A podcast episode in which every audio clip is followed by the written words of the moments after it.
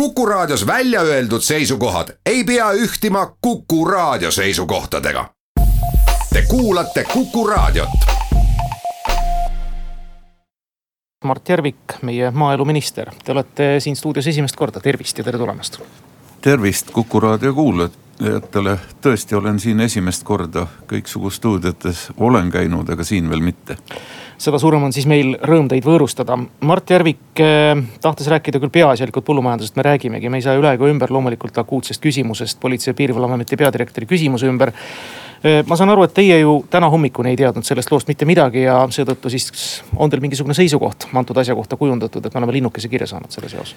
ega mul endal mingit seisukohta tõsiseltvõetavat veel ei ole, olen veidi teemat uurinud ja tean, et see tuleb arutelule järgmisel nädalal ja minu viimased päevad, vähemalt kaks päeva on olnud sellised, et ma jõudsin koju peale keskööd, uudiseid ei kuulanud, telekat ei vaadanud ka sealt uudiseid ja täna hommikul lehte lugedes oli mulle see ka üsna suur üllatus on teil ka seisukoht kujunenud äh, Politsei- ja Piirivalveameti peadirektori noh, nii-öelda isiku küsimuses ja tema plaanitavate tegude või plaanimata tegude suhtes? no eks kuulen ka sellest kõigest järgmisel nädalal, tõenäoliselt kolmapäeval.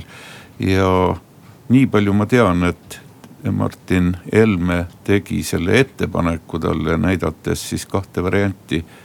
et ei ole mõistlik rääkida sellistest asjadest nagu riigi eelarve ja läbi selle tulevad ette nähtud koondamised, mida tegelikult plaanitud ei olnud, see on see tüli küsimus. ja rohkemat ma kommenteerida tõesti ei oska tõepoolest, te olete maaeluminister, räägime maaelust ja räägime põllumajandusest. käes on nüüd aeg, kui kombainid müttavad praegu usinasti põllul. Lõuna-Eestis oli näha neid kohe üsna hulgimalt ja mitmed põllud olid juba ka puhtaks koristatud. nüüd tulles üha enam põhja poole, siis seda väiksemaks need põllulapid jäid, kus on veel praegu vilja võetud, aga vilja võetakse ja teil on kindlasti teadmine olemas, olles külastanud talusid. kuidas see-aastane saak paistab, kuidas on tera kvaliteet? Saak on üldiselt hea ja pigem väga hea. nüüd kõik sõltub sellest, kuidas taevataat seda ilma annab. kui põllumees jõuab kõik ära koristada ja vihmad viljale liiga ei tee, siis tuleb tõsiselt hea saak. külastades Toila kandis talusid mm, üleeile, siis seal oli saaginumbritena päris, päris korralikud hektarisaagid, kuus kuni kaheksa tonni hektarilt, mis ei ole sugugi paha, pigem eeskujulik ja rääkides üldse põllumeestega, siis saakide üle ei nuriseta. ja sõites ka samamoodi idast läände ja olen ka põhjast lõunasse Eestis sõitnud, et see pilt on selline, et üle poole teraväljast on koristatud. Ja küsides põllumeestelt seda otse, nad ütlevadki kuus, seitsekümmend protsenti lõunapoolsetel on koristatud Äh, mujal pool veidi vähem ja loodame, et taevataat annab hea ilma ja laseb lõpuni saagi ära koristada taevataat on sel aastal olnud põllumeeste vastu erakordselt armuline. me ei ole ja see on nüüd, vabandan, kui ma eksin, aga see on nüüd üle mitme aasta, kui mitte isegi aastakümne üks esimesi suvesid, kus me ei kuule, no ma ei ütle, et nurinat ja, ja, ja appikarjet selle seos, kuidas ilm on liiga teinud, kuidas saak on hukka läinud ja riik peaks appi tulema mingite erakorraliste meetmete, vahenditega põllumeest toetama seda vajadust tõesti sel aastal ei näe, aga üks selline negatiivne asi põllumehe jaoks on see uus biolisandiga diiselkütus. et mul tuli juba eelmisel nädalal päris mitu telefonikõnet, et kombainid jäävad seisma, ei saad, saadud algul aru, milles probleem. küttefiltrid umbes ja tuleb välja, et see on tingitud sellest biolisandiga kütusest. et kui masin mõned päevad seisab, on vihmapaus või mingil puu, muul põhjusel seisnud. et peale seda just need kõige uuemad kombainid, millel on hästi tihedad korralikud kütusefiltrid kipuvad ummistuma. ja siin teatud markidel maksab see peenpuhastusfilter neljasaja euro kanti, siis see on päris suur kulu, mis tahtmatult peale tuleb. ja kui mõelda veel selle peale, et külmad alles tulevad ja selline biolisandiga kütus on tanklates müügis, mis külmade tulekul võib hakata kõikide filtreid umbe panema, siis see võib osutuda suureks probleemiks räägime sellest diisliküsu-, kütuse mm, probleemist siis lähemalt. biolisandiga on ta sellepärast, et nõnda nõuavad direktiivid. ja samal ajal noh, põllumees on harjunud selle, kas ta on siis selle vana sinisega justkui nagu tegema, mis on hea, töökindel, odav. no vana sinine ja tavaline valge diiselkütus on tegelikult ju täpselt üks ja sama diiselkütus. ühele on ainult lisatud eristamiseks siis väikene milligrammikene sinist värvi, et põllumees saaks seda aktsiisisoodustusega kütust osta aga kehv lugu on see, et kusagil ei ole kadunud ka need, kes panevad oma viienda klassi BMW-sse sedasama sisse, sest odavamalt saab. kurb, aga tõsi, nii see on ja neid äh, pettuste skeeme on tulnud päris palju välja, mismoodi põllumehe sildi all ja maksumaksja raha kasutades see kütus tegelikult läheb sinna, kus ta ei peaks minema. Ma tean, et te olete võtnud selle südameasjaks, millised on praegu tegevused taolise pettuse lõpetamiseks, et põllumees saaks ikkagi noh, ausa põllumehena jätkata? no mina tahan igal juhul põllumehe jaoks parimat ja lihtsaimat lahendust ja eks Euroopa on lubanud seda sinist kütust kasutada ikka ainult selleks, et see kasutataks sihipäraselt. ja kui me ei su suuda praeguse süsteemiga seda sihipäraselt kasutada, siis tulevad ka ettekirjutused ja kui need rahanumbrid on suured, mis kõrvale lähevad, seda hullem see asi on. räägime ka loomulikult põllumajanduse kõrval, mis on maaelu väga suur väärtus ja noh, nii-öelda puhub talle hinge sisse maaelust nüüd laiemalt. maaelu Edendamise Sihtasutus on nüüd see paik, mille eesmärk on toetada, elavdada Eestis maapiirkonna ettevõtlust, luues paremaid võimalusi kapitalile ligipääsuks ja tõsta maaettevõtluse konkurentsivõimet. Teil on mitmeid mõtteid just nimelt panna külad samamoodi elama, nagu see oli esimese Eesti aegu, kus siis tõepoolest külaelu õitses, oli ühistegevust, oli tööd absoluutselt kõigile ja see ei pruukinud tingimata põllumajandus olla. kas on mingisuguseid meetmeid, plaane, mis on juba ka valitsuse tasemel nende napi sada pluss päevaga juba ette võetud, mis on jõudnud valitsuse lauale kasvõi arutamiseks, et see õnnis aeg tagasi tuleks? no oli tõesti ilus aeg ja mina olen öelnud varasemalt välja seda, et ma tahaks näha sellist kiiret arengut, nagu oli enne teist maailmasõda kindlasti me ei hakka püüdma täpselt mingit vana olukorda korrata, see ei vii kuskile. aga me loome eeldusi, loome tingimusi, et maaelu saaks minna tõusule ja selleks on algatatud siis MES-i ehk Maaelu Edendamise Sihtasutuse uue strateegia koostamine. see strateegia on just, just kaante vahele jõudmas ja nõukogule ning juhatusele siis uue strateegia elluviimiseks ja, ja rakendamiseks edasiandmisel. seal, seal on päris palju selliseid mõtteid koondatud, kuidas me saame Eestis maaelu edendada, kuidas luua tingimusi just, et noored pered tahaksid maale minna et noored pered oleks võimelised maal ära elama. kas te olete lugenud Igor Taro hiljutist arvamusavaldust selle kohta, mis aitaks noori peresid maal kõige rohkem? olen. olete no. nõus? Me räägime kuulajatele ka ära, et see oleks üks päris korralik selline renoveerimistoetus, millega saaks oma talud, majad suuremaks, laiemaks ehitada, et pere, suurpere saaks seal elada, et kaoks ära see noh, nii-öelda kütmise vajadus, mis esiteks on kallis.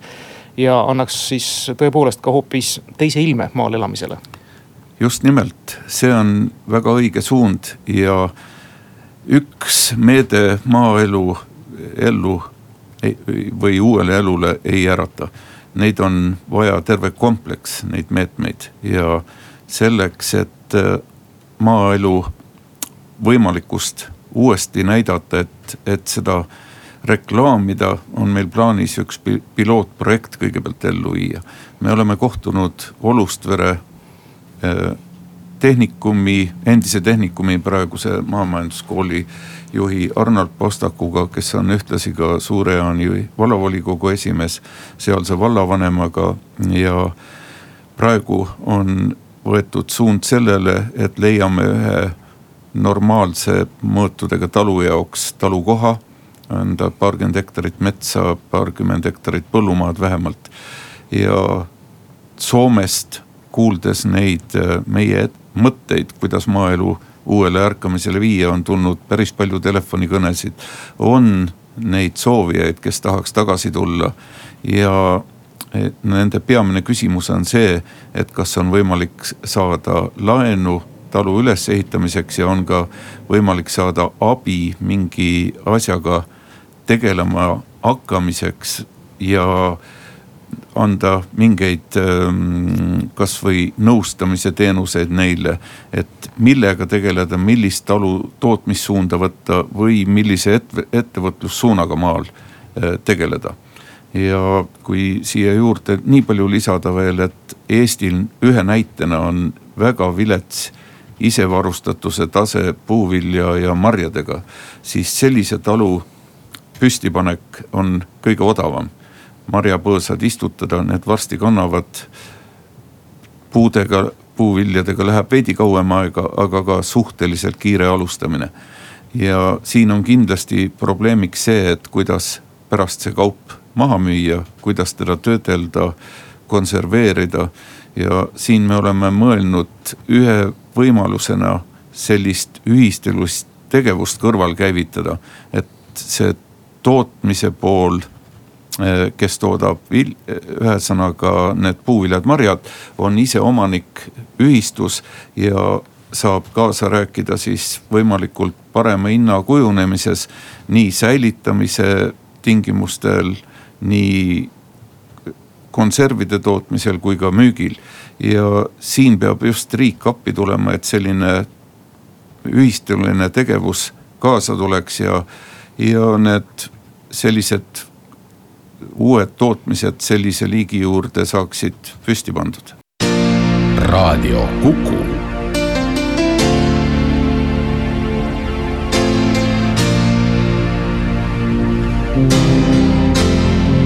raadio mõtlevale inimesele.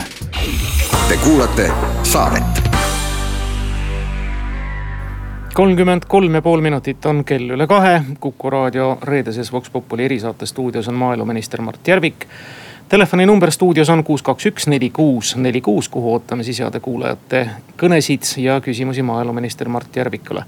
kõigepealt üks küsimus teile sealtsamast Igor Taro loost lähtuvalt. ma saan aru, et kõige suurem mure on see, et kui inimesel on ilus, kena, piisav maksevõime, siis ikka ei kipu talle pangad nagu kodulaenu või kodu renoveerimise laenu hästi andma. et selle tarvis oleks vaja noh, nagu ta siin otse välja kirjutab, sõna otseses mõttes elamist kas Tallinnasse või Tartusse või mõnda jõukasse piirkonda. kas riik ei saaks anda lisagarantiid sellisele noorele maal elavale perekonnale? Jah, läbi MES-i meil selline mõte just arendamisel ongi ja mõte on selles, et üks Eesti kapitalil tegutsev pank annaks maainimesele laenu ja MES garanteerib seda.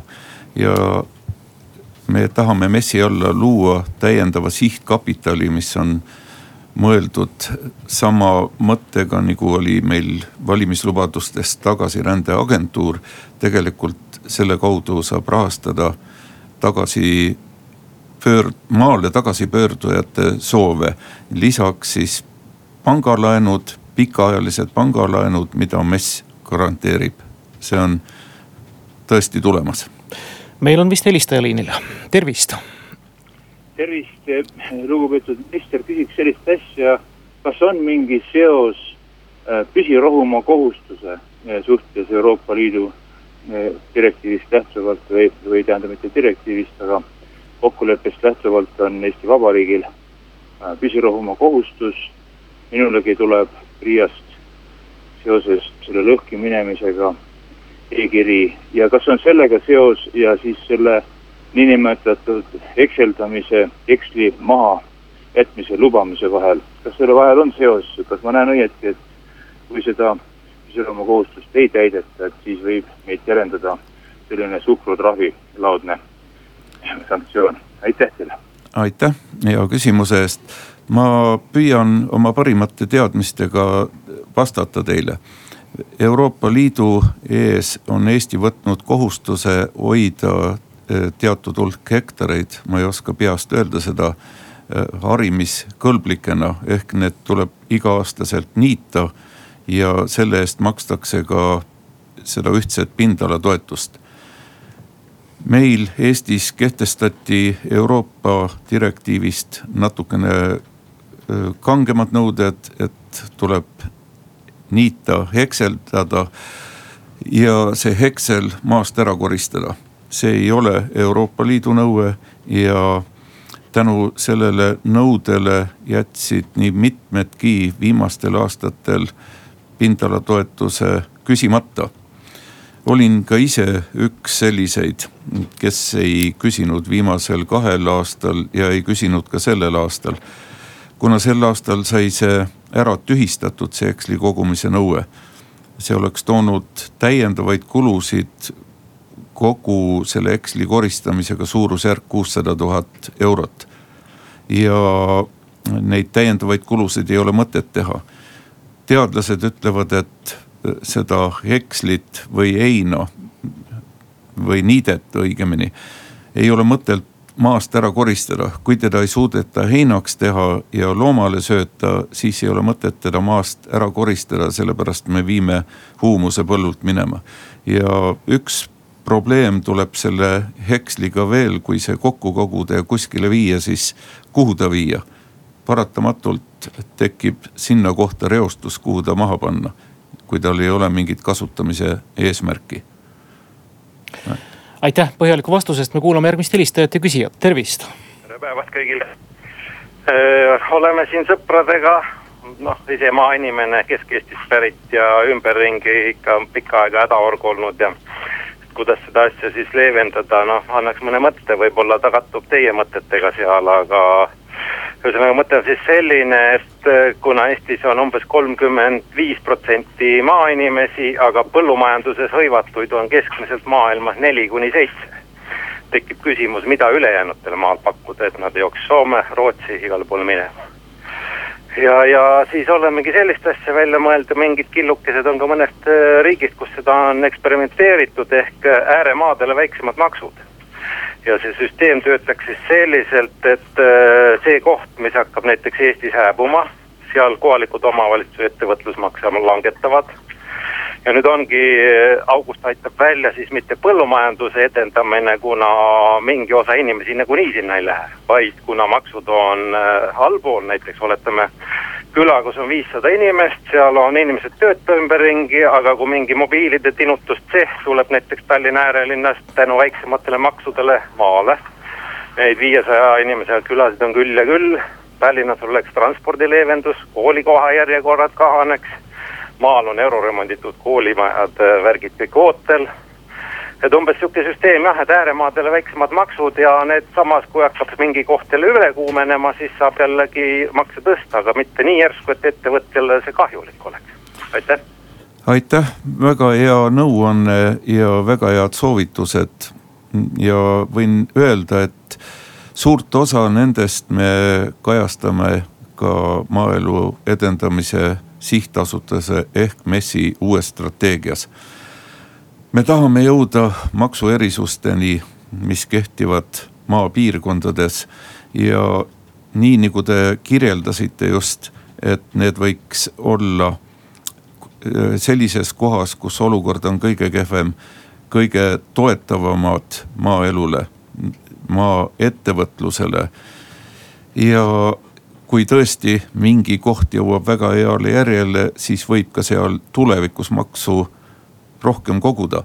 aga paraku see teema on natuke keerulisem, meil kohalike omavalitsuste eh, ehk ja neid eh, kohalikke omavalitsusi reguleeriva seaduse ehk KOKS, kohaliku omavalitsuse korraldusseadus.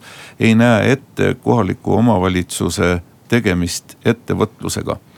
Ja see on ka üks probleem, mis tuleks ära lahendada. kohalikul omavalitsusel peab olema huvi ettevõtlusega tegeleda. sealt tulevad tema maksud ja kohalikule omavalitsusele tuleb anda ka täiendav tulubaas, et ta saaks tegeleda otseselt ettevõtluse toetamisega, nendele tugistruktuuride väljaarendamisega ja nii edasi. aga täielikult toetan seda mõtet ja võin lubada, et selleks me oleme valitsusse läinud, et sellist poliitikat just, mida te kirjeldasite, tahame ellu viia. kuus, kaks, üks, neli, kuus, neli, kuus on stuudio number ja järjekordne küsija liinil, tervist. tere Kuku sõbrad ja lugupeetav minister, et ma oleks kümnendi jagu olen vaadelnud Eestit kui organismi. see tähendab seda, et kui organismis me saame aru, et elundid töötavad ja elundivaheline süsteemsus, kõik veresoonkond, lümfistik, närvisüsteem. et kui seda nüüd rakendada Eesti, tervik-Eesti peal, et siis võib arvestada, et ainult linnad ei saa üksi, üksi hakkama, elu, ütleme linnad kui elundid aga nendevaheline süsteemsus, et siin oleks eesmärk võib-olla või idee rajada maanteekultuur, tähendab taastada maanteekultuur selles mõttes, et maantee peal saavad kokku maa ja linna inimesed, kes vahetavad omavahel raha, ressursse, toiduaineid ja nii edasi. et eh, meil on kõik olemas, hakkame pihta, hakkame tööle, loome maanteede peale eh, turgude või, või talupoodide võrgustikud.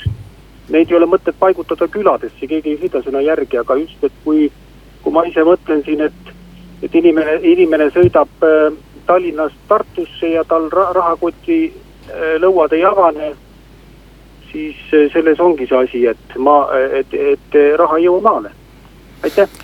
aitäh, väga hea ettepanek järjekordselt ja võin öelda seda, et tõesti see veresoonestik Eestis, mis on, on tegelikult vilets, et meil on tugevad arterid olemas Tallinn, Tartu, Tallinn, Pärnu ja Narva suund, aga see veresoonte võrdluses kapilaarvõrgustik on ikka väga nigel maapiirkondades.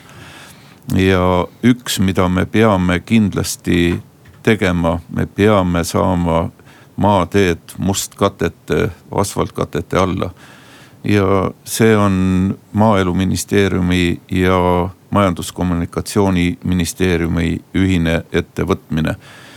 sel aastal tõenäoliselt midagi veel ei jõua ära teha, aga selgelt tuleb seda teha koostöös omavalitsustega, kes annavad teada kõige kriitilisematest teedest, kus on koormus suur ja tolm taga ja paraku see on nagu, nagu karistus maainimesel peal. ka oma tallu sõidan kümme kilti mööda kruusateed ja kui ilm on kehv, äh, sajab vihma, on auto esimese kilomeetriga ülepea sopane. kui tee on pikemalt ööveldamata auklik, siis lõhub ka käiguosa. ja kui tulla selle mõtte juurde veel, et seda teeäärset kaubandust elavdada, siis sellega ma olen ka täiesti päri ma ise kasutan iga võimalust, kui ma näen tee ääres kas seda suitsukala, mingit kohalikku toodet, äh, maasikat, ükskõik mida. alati kasutan võimalust selleks otse ostmiseks. ma tean, et ma siis toetan konkreetselt seda kõrval olevat talu, kes seal müüb ja see on üks asju, mille ma panen kõrva taha ja kirjutame ka oma sinna messi strateegiasse sisse. veel kord aitäh meil on telefonil kuus, kaks, üks, neli, kuus, neli, kuus helistaja, küsija, tervist. kadus ära, aga proovige uuesti, maaeluminister on valmis küsimustele vastama. me oleme täna Kuku raadio Vox Populi erisaates ja vastame siis kuulajate küsimustele. nüüd on helistaja tagasi, tervist. tere päevast, härra Järvik, ma ei tea, kui palju te olete suhelnud teiste Balti riikide põllumajandusministritega. kas Eestil on mingisugust noh, kas kasu on nagu võib-olla halvasti öelda, aga Leedus kuulutati teadaolevalt äh, suvel välja põllumajanduslik eri, eriolukord seoses põuaga. et ega ja meil, nagu te räägite, on saagikus väga hea, et kas on siis nüüd võimalik nagu realiseerida ka sinna suunda, et noh, tavaliselt on probleem, et kui saagikus on väike, siis on raha nõudmine, kui on liiga palju, siis on hinnad liiga madalal, et kuidas teie suhtute siis, aitäh? ma olen suhelnud Baltimaade põllumajandusministritega päris palju. viis, viiel korral oleme kohtunud Agrifis nõupidamistel ja olen arutanud erinevaid teemasid, aga meil ei ole olnud jutuks seesama saagikus sel aastal. Leeduga nii palju oli küll, et nendel oli see põuateema kõige karmim ja siis, kui mina ametisse tulin aprilli lõpul siis meid õnnistati juba selle esimeste vihmadega ära, nii et meil ei olnud põhjust enam neid selliseid toetavaid meetmeid kaaluma hakata. ja ma arvan, et äh, kui sellised aastad veel tulevad, et kas on lausvihm või lauspõud. minu seisukoht on selgelt see, et põllumehi tuleb toetada ja anda nendele võimalused ka oma saak kindlustada, et selleks sai sel aastal ka üks vastav määrus allkirjastatud. aga selgelt olen seda meelt veel korra, põllumehi tuleb toetada, kui nad on hädas, nemad toidavad meid. ja järgmine helistaja küsija liinil, tervist ehm, lugupeetavad, ma helistan veel kord, tuli meelde üks detail. et kui me räägime see ütleb maanteekultuur korda, aga kui nüüd noored inimesed maale saaks, siis eh, vaatame, et e-, Eestis võiks iive suureneda vist ilmselt ainult maal. sest eh, see oli omal ajal puht ratsionaalne kaalutlus, et töökäsi on vaja, teeme pered suuremaks see muidugi kehtib siis väikse põllumajanduse kohta, et, et need suurärimehed või, või suurpõllumajandus, äh, siis on teine asi, aga. aga just, et see märksõna, et iive maale, äh, see, see võiks ka nagu olla, olla seal kuskil oma, oma kohta leida, aitäh. aitäh, ka see on meie strateegia üks punkte, et noored pered maale, maal sünnivad lapsed, kui me võrdleme maaperesid eh, linnaperedega, siis maal enamasti on kolm-neli last peres, linnas heal juhul üks-kaks. ja mida rohkem rahvast linnas elab, seda väiksemaks meie rahvastiku iibe kordaja muutub. täna olime koos eh, ümarlauas või pigem kandilises ristkülikujulises lauas väga väärikate inimestega president Arnold Rüütel, Arvo Sirendi ja Jaak Uibu, kes on kõik väga väärikad teadlased. ja täpselt sama teema oli meil arutusel. noored pered maale, neid tuleb toetada, sealt, ainult sealt saab tulla meie rahva juurdekasv ja taastootmine. kui praeguses tempos edasi minna, siis me oleme ikkagi vaikselt väljasurev rahvas. järgmine helistaja numbril kuus, kaks, üks, neli, kuus, neli, kuus, tervist. tere, mul oleks selline küsimus, et kas te olete mõelnud selle peale, et, et tänapäeval on väga populaarne osta kokku maad ja, ja ütleme, et kuidagi maksuerisustega teha nii, et need inimesed või firmad, kes rendivad välja maid suurtes kogustes ja seda ise ei kasuta, eh, saaksid eh, nii palju maksu peale, et eh, hakkaks see maa tulema tagasi kohalike elanike kätte. aitäh. aitäh, veel kord jälle hea küsimus ja see plaan, et Maaelu Edendamise Sihtasutus hakkab maid mm, turuhinnaga turult kokku ostma, on meil täiesti olemas ja võtame eeskuju lätlastelt, kus on analoogne süsteem juba käimas. Need inimesed, kes müüvad oma maa messile ehk riigile, need inimesed pääsevad tulumaksust. see on meil kindlalt tegemisel asi. ja teil oli midagi veel selles ettepanekus, mis mul suutis praegu meelest ära minna. ma katsun ka nüüd meenutada, et äh, et maa tuleks kohalikele rohkem tagasi et panna need ah, inimesed ja. maksu alla, kes eh, noh, nii-öelda oma maid kes, välja rendivad. kes on hulgi just kokku ja, ostnud. Eh, selle teemaga tegeleme, mõtleme lahendust ja see tõenäoliselt saab jälle mingi teise riigi eeskujul läbi maksuerisuste lahendatud, aga see tuleb lahendada. meil on maade hektarite hulk, mis on e-, kokkuostjate kätte läinud, see on ül, kaugelt üle saja tuhande hektari. see tuleb saada Eesti inimese kasutusse. Eesti inimene peab Eestimaa omanik olema. kuulame järgmist helistajat ja küsijat, tervist. tere, tere. selle kuidagi vestluse nagu tulemus on selline, et kõik maale ja kõik põllumeesteks. see kuidagi nagu kumab sellest äh, ettepanekutest nagu ja nendest nii-öelda siis vastustest nagu peamisena välja. noh, tegelikult on ju selge, et ükskõik kui palju on, ükskõik on, kui palju inimesi meil on põllumajandusega hõivatud edaspidises nii-öelda Eesti tulevikus ei ületa toidu tootmises olevate inimeste hulk äh, kolme, nelja, viite protsenti, et see on juba ära proovitud asi. Äh, pole midagi raskemat kui üks põllutöö, seda rohkem järjest mehhaniseeritakse ja selle tulemusena neid inimesi tegelikult selles valdkonnas jääb järjest vähem. küll aga mujal maailmas, näiteks Prantsusmaal mm, on väga palju selliseid väikeseid põlde, väikeseid põllupidajaid, kes Äh, on siis suutnud äh, hakata tegelema sihukese ülitulusa tegevusega, noh näiteks äh, kasvatatakse viinamarju ja vilitakse ise veine, tehakse ise šampuseid. ja sellise väikese keldrina noh, nii-öelda ja eksklusiivsete toodetega ja kallite toodetega on siis suudetud saavutada selline situatsioon, kus seda tasub nagu põlvest põlve edasi pärida ja, ja tegemist on siis tõsiselt sihukese arvestatava nagu lisaga põllumajandusse, kuidas see saavutatud on? see on saavutatud sellega, et äh, prantslastel ei ole ka selliseid aktsiise ehk siis äh, veinid, vahoveinid, äh, mis kohapeal toodetakse, neid ei koormata igasuguste maksudega ja aktsiisidega. nii, on teil küsimus ka, vabandust? ja, et, et, et ähm, et kas nagu selles osas sellisel moel äh, mõtlemine on teie jaoks äh, nagu ka tuttav või ainult see, et kõik hakkame vilja kasvatama äh,? aitäh küsimuse eest.